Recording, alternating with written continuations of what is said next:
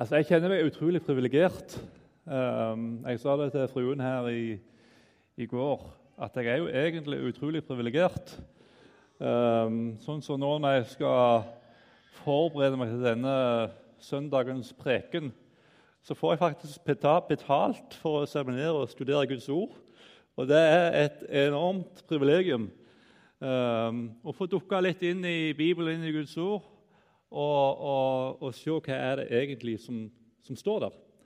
Um, og så tenkte jeg nå når jeg, jeg, pleier av og til å ha en liten sånn uh, rapport da, uh, Sa du at jeg var forsamlingsleder, eller gjorde du kanskje ikke det?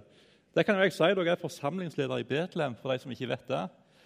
Og da um, får jeg lov av og til å være rundt og treffe folk som er, gjør en, en kjempeinnsats for, uh, for arbeidet vårt. Og Bergens Indremisjon og Betlehem er mye mer enn dette lokalet her. Vi har jo både Indremisjonshjemmet, som dere fikk høre litt om eh, sist helg, og Allersheimen borte i Welhavens gate, og så har vi òg en barnehage. Så har jeg jo da tenkt at jeg skal ha en liten sånn runde årlig til disse lederne på institusjonene. Så nå har jeg vært hos to av dem. Vært en tur inne hos Dag Henning på, på Allersheimen og Bjørn Herrestveit på Indremisjonshjemmet. Å få lov til å sette meg ned og prate med dem og høre hva er det egentlig som skjer på disse institusjonene, og hva arbeid er det som blir lagt ned, så kjenner jeg at jeg er utrolig stolt av å få lov til å tilhøre Bergens Indremisjon og det mannfoldige arbeidet som vi faktisk får lov til å være med på, alle sammen. Um, jeg tror vi bare skal be en kort bønn før vi går videre. Herre Jesus, jeg har lyst til å takke deg for, eh, for, din godhet og din nåde, Herre. Takk for at vi får lov til å leve i fellesskap med deg og få lov til å følge etter deg. Det er et enormt privilegium, Herre, å få lov til å høre deg til og få lov til å følge etter deg. Det er ingenting på denne jord som kan måles med det privilegium det er, Herre. Å få lov til å tilhøre deg og følge etter deg, Herre. Og så ber jeg om at du må du må møte oss nå gjennom de minuttene vi skal dele dette ordet i lag. Og så ber jeg om at du må la de ordene få lov til å plante seg inn i vårt hjerte, og at det får bety noe inn i vårt liv, Herre Jesus. Herre, det ber vi om i ditt navn. Amen. Det er jo satt en overskrift for denne, denne preik og denne søndag her gjeverglede. Så med en sånn overskrift så er det ingen som skal kjenne noe som helst eh, tvang i dag til at eh, han der forsamlingslederen var ute etter lommeboka mi. Eh, det skal du slippe å tenke. Det vil jeg bare si helt fra starten av. Men det vi skal gjøre her i dag, det er at vi skal ta et lite innblikk i det jeg vil kalle for den, den første globale innsamlingsaksjonen som vi finner i det nye testamentet i den første kristne menighet. Og Det er satt opp en tekst for denne søndagen som vi kommer inn på etter hvert. Men eh, bildet er mye større enn det som står i de versene som i utgangspunktet var satt opp som tekst.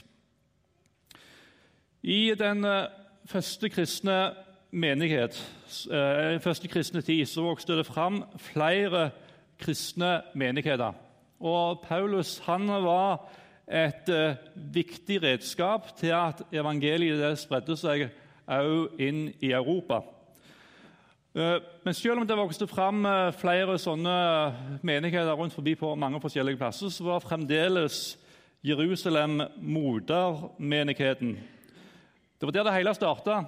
Det var der pinsefestens dag, der Den hellige ånd kom, og 3000 ble lagt til Guds menighet. Det var der det starta. Eh, og så står det i denne menigheten der, vi skal komme inn på det etter hvert, så står det at i Jerusalem, som var modermenigheten, så fantes det mange fattige blant de hellige.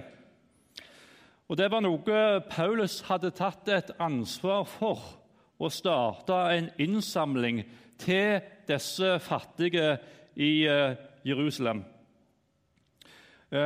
Eh, og Teksten ifra, for, som er satt opp for dagen, er fra Korinterbrevet. Men det var ikke bare noe som skjedde i Korint. Men vi ser at uh, Paulus hadde en storstilt innsamling fra flere ulike menigheter.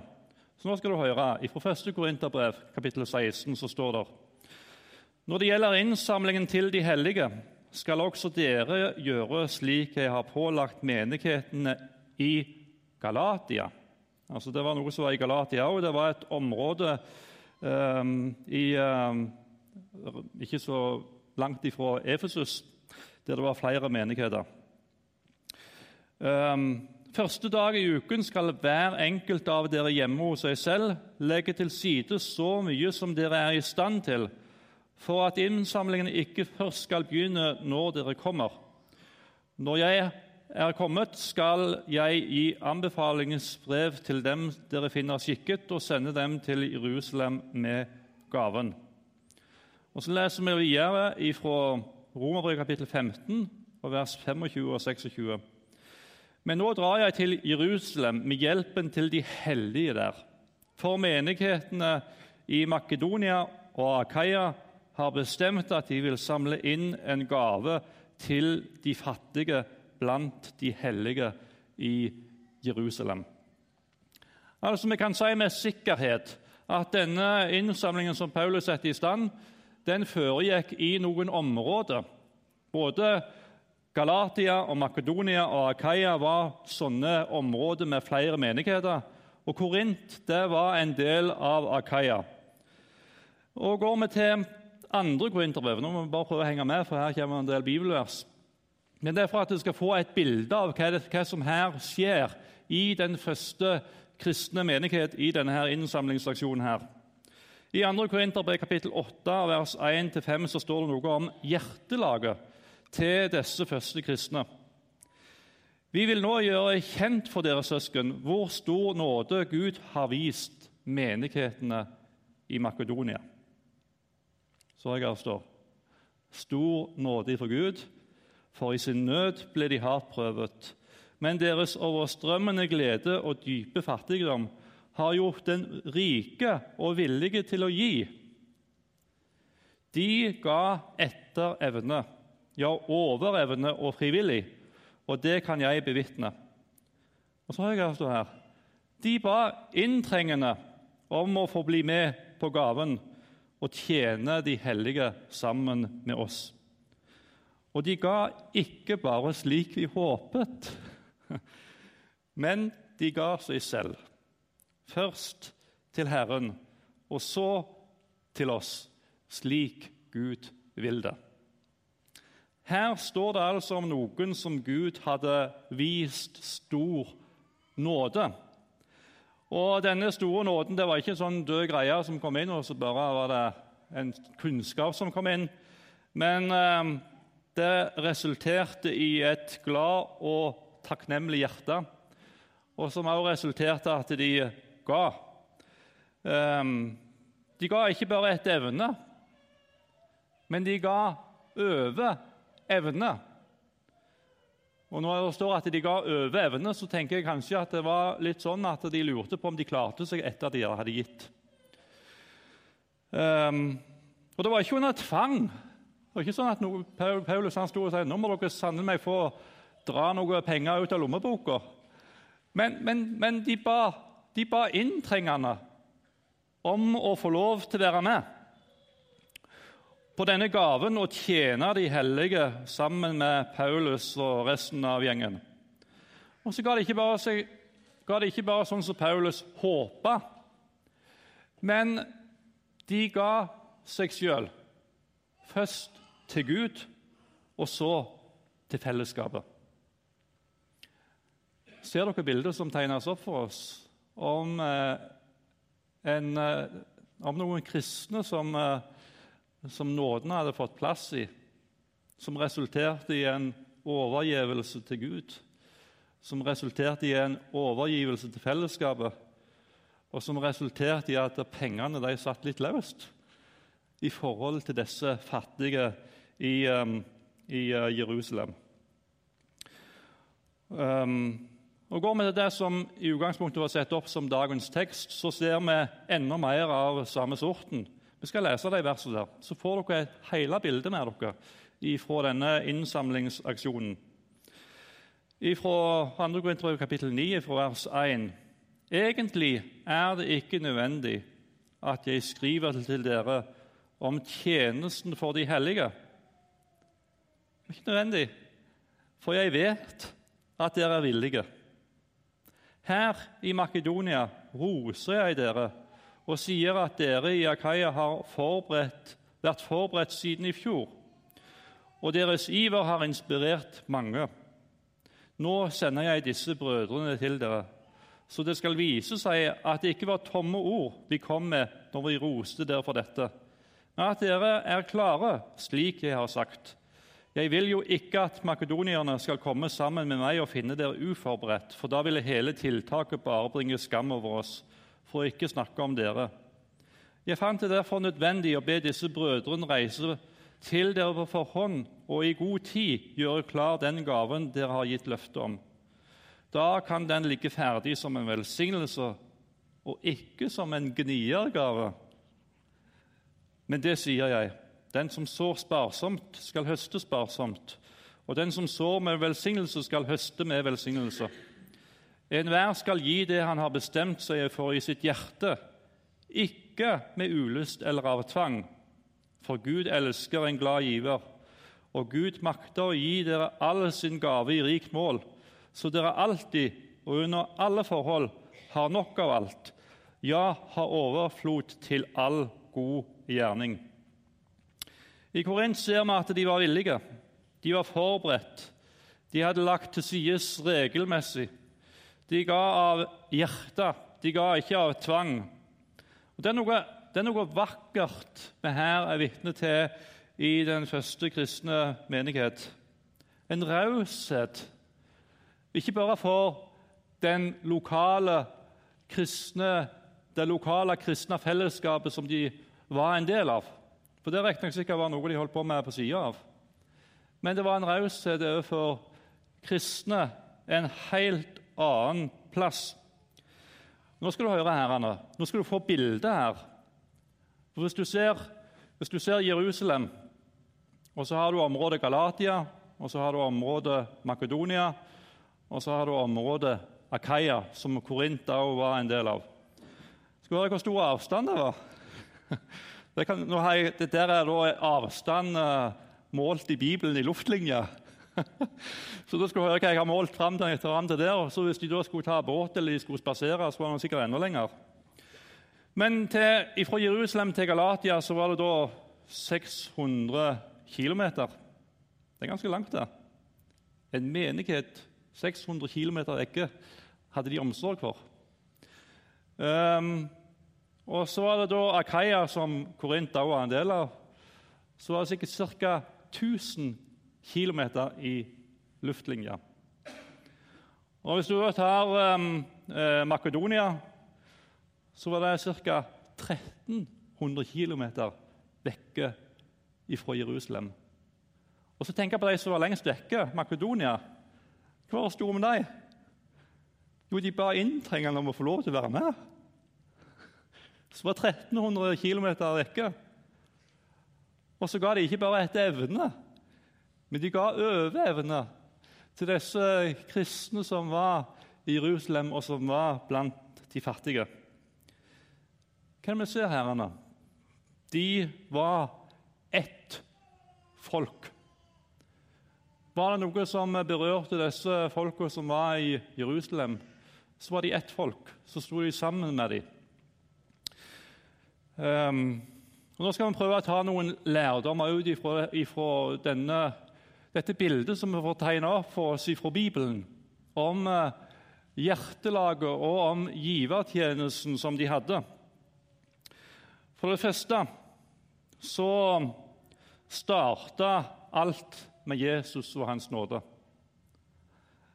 Uh, hva er nåden for noen greier? Det står jo at uh, disse i Makedonia var vist stor nåde og som resulterte i en givertjeneste til disse fattige i Jerusalem.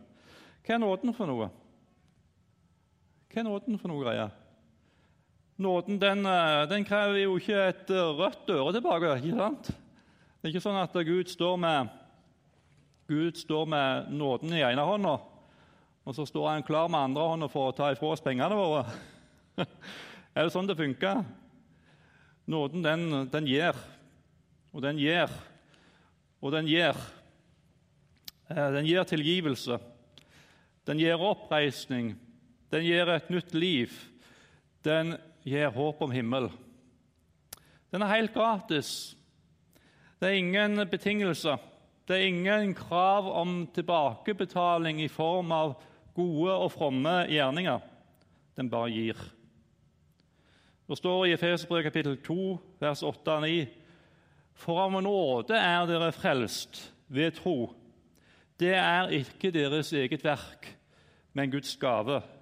Det hviler ikke på gjerninger for at ingen skal rose seg.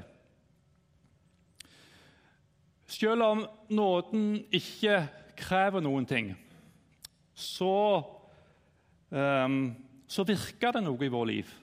Altså, det er ikke sånn at nåden slår. Bare hold godt etter hva jeg sier nå. Nåden står ikke og krever et eneste rødt øre. Men likevel så virker den noe i våre liv når nåden kommer inn.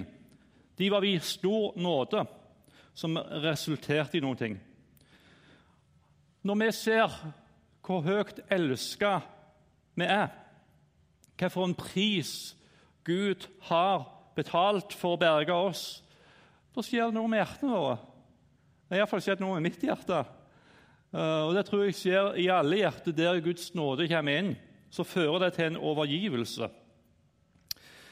Eh, vi gir oss sjøl tilbake igjen til Gud. Du, som har, eh, du Gud, som har ofra alt dette for meg. Det er jo ingenting som er mer naturlig at du, Gud, som har ofra alt for meg, at du skal eie meg helt og fullt. Tenk den prisen Gud har betalt for meg. Han ofra alt. Han ga sin egen sønn. Jesus, Gud, jeg tilhører deg med alt det som jeg er, og alt det som jeg har. Vi overgir oss sjøl i Guds hender med alt det vi er, og alt det vi har. Menighetene i Makedonia hadde Gud vist stor nåde.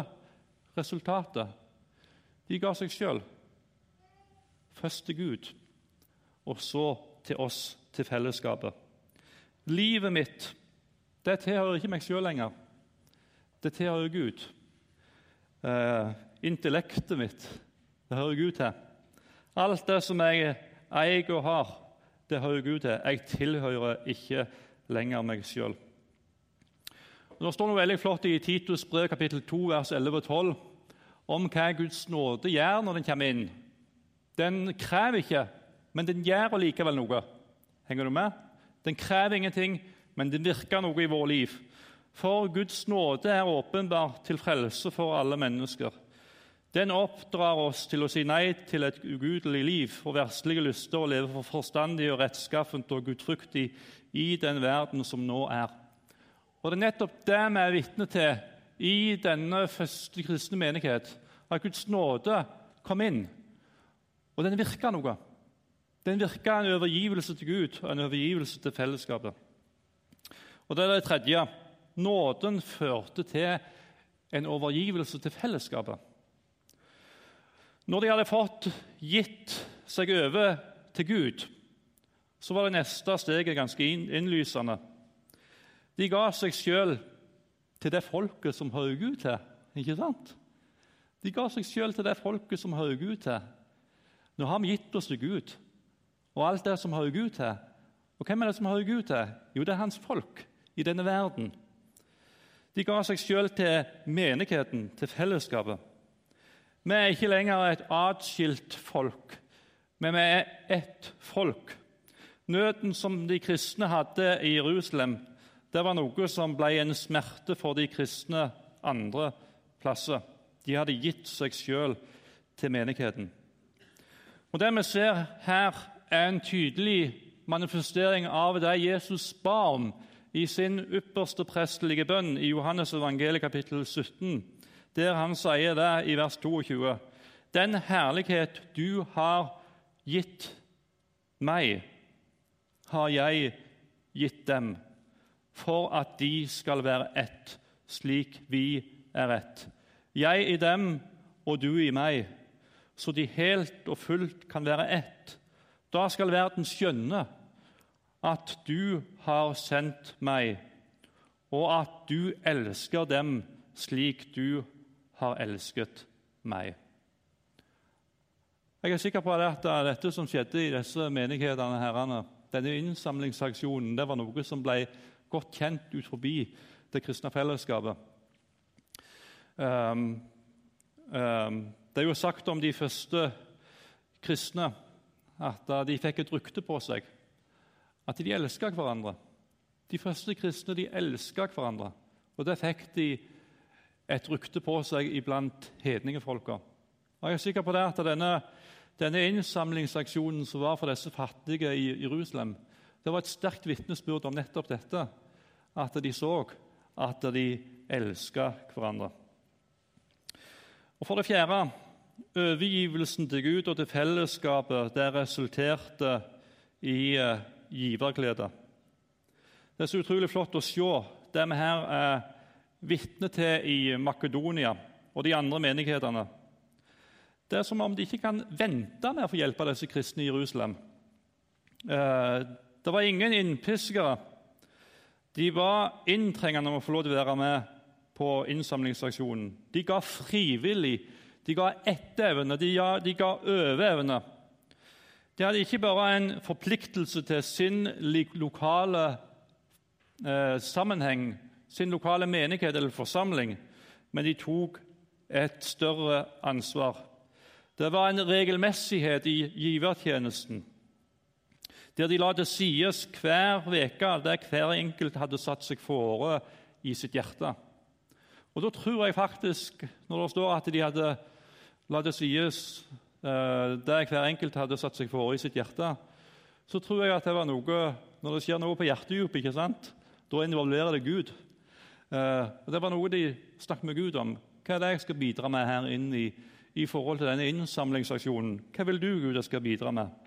Og så ga de det de hadde sett seg fore i sitt, i sitt hjerte.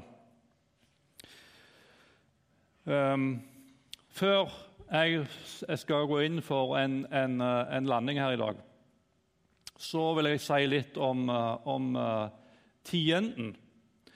Som en del menigheter har snakka veldig mye om. Det er jo henta Mye av den tanken om at vi skal gi tienden inn til det kristne fellesskapet, er henta fra Malakia kapittel 3 vers 10. Og Der står det Kom med hele tienden til forrådskammeret, så det kan finnes mat i mitt hus. Prøv meg på den måten, sier Herren herskar, Herren over herskarene. Jeg skal sannelig åpne himmelens luser og øse ut over dere velsignelse uten mål.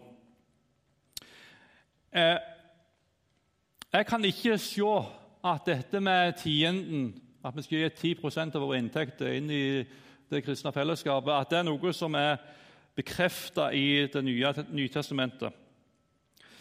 Eh, det kan heller se ut som i, i lys av denne historien fra den første kristne menighet at de ga mye mer enn tienden. Eh, de ga over evne, står det faktisk.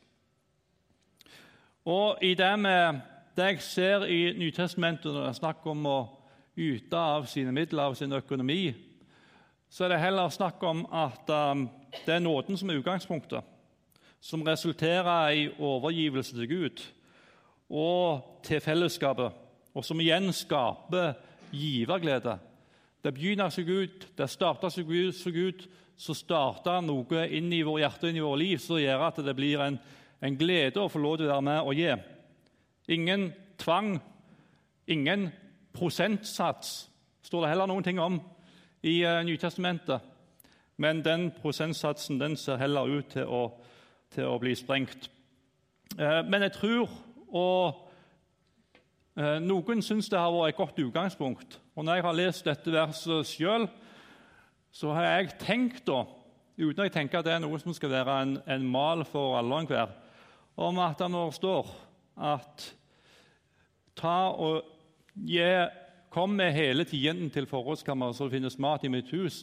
Prøv meg på denne måten, sier Herren over herskarene. Jeg skal sannelig åpne himmelens luser utover dere velsignelse uten mål. Og Da har jeg tenkt at det er jo dumt ikke prøve dette her, da. Når det står at han vil øse ut velsignelse uten mål, så må være fryktelig dumt å ikke teste ut det Gud selv har sagt. Ehm, men sånn som jeg ser i Nytestamentet, så er det ingen, ingen, ingen krav om tienden. Men det er et annet prinsipp som er kommet inn, nemlig at nåden kommer inn, som resulterer i overgivelse til Gud og til fellesskapet, som igjen resulterer i giverglede. Um, og Det ser heller ut som at tiendengrensen den, er, den, den blir ganske greit sprengt. Um, men de ga etter det som de hadde mulighet til. Noen ga over evne.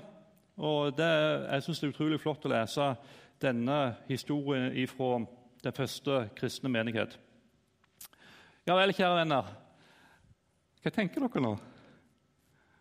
Hva tenker dere? Det skulle vært interessant å være litt, litt inn i hodene deres nå og sett hva dere tenkte. Um, når jeg har sittet og forberedt meg til denne preika her, så er det én ting jeg kjenner på. Og det er at um, det vi er vitne til her i den første kristne menighet, det sprenger mine tanker som jeg har hatt før i forhold til givertjenesten. Jeg har jo lest disse her tingene, uh, men nå har jeg fått sett meg ned. og det er det jeg kjenner meg utrolig privilegert. Så har jeg sett meg ned og fått sett litt sammenhengen på disse ulike tekstene. Hva var egentlig som var bildet? Og så kjenner jeg at det sprenger mine tanker om givertjenesten. Um, jeg har ikke lyst i dag å si så utrolig mye mer. Men jeg vil at dette skal henge litt i lufta. Men det er én ting jeg har lyst til å si, um, som jeg vil du skal ta med deg. At hvis du ikke kjenner noen glede av å få lov til å være med og gi så vil jeg ikke ha pengene dine. Så skal du bare la, med frimodighet la pengene være i pengetaska di. Um, for hva det står Vi skal ikke gi av ulyst eller av tvang. Men vi skal få lov til å gi av et glad hjerte. Og hvis du ikke har et glad hjerte, så vil jeg ikke ha pengene dine. Behold de. Uh, da tror jeg det er andre ting du trenger inn i ditt liv. Ehm, det begynner helt, en helt annen plass. Hva ser vi var utgangspunktet her? Det var nåden som var utgangspunktet. ikke sant? De var vist stor nåde. Og hvis du kjenner på lite glede i forhold til din givertjeneste, hva du trenger da? Hva du trenger? Du trenger mer nåde. Du trenger mer nåde inn i ditt liv. Um, du trenger ikke mer innpisking. Du trenger ikke flere oppfordringer om å gi inn i fellesskapet. Men du trenger mer nåde, som resulterer i overgivelse til Gud og overgivelse til fellesskapet. Um, og så vil jeg du skal ta med deg noen tanker her nå. Hvor er du i dette bildet som jeg har tegna opp for deg? Hvor er du henne? Um, ligner du på disse første kristne? Er det sånn du har tenkt om livet ditt? At du har fått en sånn uendelig stor nåde, så gir du deg sjøl over til, til, Gud. Du eier med Gud helt og fullt. Og så gir du deg over til fellesskapet. Dette er mitt folk. Og så resulterer det i at du, at, at, um, at du gir inn i fellesskapet. Eller er det noe du trenger å snakke med Gud om? Eh, er det sånn at du trenger eh, Er det noe du trenger å snakke med Gud om i ditt liv? Nå har jeg ikke lyst til å gå inn på og Jeg får klokka og alt. Nei ja, det er litt over. Um, og Kanskje er det sånn for deg, som jeg kan kjenne på i mitt eget liv etter å ha arbeidet litt med disse tekstene. Vet du hva du Glenn trenger? Du trenger at nåden får et enda større rom i hjertet ditt og i livet ditt. Og Så står det et vers som vi skal slutte av med. I Filippabrevet Filipperbrevet kapittel 2 og vers 13 så står det For det er Gud som er virksom i dere. Det er Gud som er virksom i dere. Så dere både vil og gjør det som er etter Guds gode vilje. Så hvis du kjenner på en sånn uvilje i ditt liv i forhold til, i forhold til det Gud ønsker å utrette i ditt liv, så trenger du mer nåde. Og så trenger du at Gud virker i livet ditt og i hjertet ditt. Det er han som må få lov til å skape det. Altså Skal det være noe det lukter Gud av, ikke sant? så er det Gud som må skape det i våre hjerte og vårt liv. Så la denne historien fra den kristne menighet la den henge litt der. Og La den få lov til å ta den historien med deg og spørre deg sjøl hva er det jeg egentlig trenger inn i mitt liv. Hvis jeg skal svare ærlig for min del, så det er én ting jeg trenger mer av. Jeg trenger mer nåde fra Gud. Nei, Jesus, Jeg har lyst til å takke deg for din uendelige store og rike nåde. Takk for den uh, nåden du har vist oss, Herre, da du ga ditt liv på korset for oss. Takk for at jeg får lov til å tilhøre deg, Herre. Og så vet du, Når vi begynner å dukke ned i disse tingene, herrene, så er det en ting som jeg kjenner på at uh, Gud, jeg trenger mer av din nåde. Jeg trenger at du bare overøser meg med din godhet og din nåde, Herre. At det skaper noe inn i mitt liv. At det resulterer i noen ting i mitt liv. Fyll hjertet mitt og fyll livet mitt med deg, Herre. Med din nåde og alt det du har for meg. Og Så ser du hvilke tanker som kan røre seg i oss når vi sitter og hører. Jeg ber om at ditt verk må skje i vårt liv. Jeg ber om at ditt verk må lov til å skje i vår hjerte, Herre. Herre, det ber jeg om i ditt navn.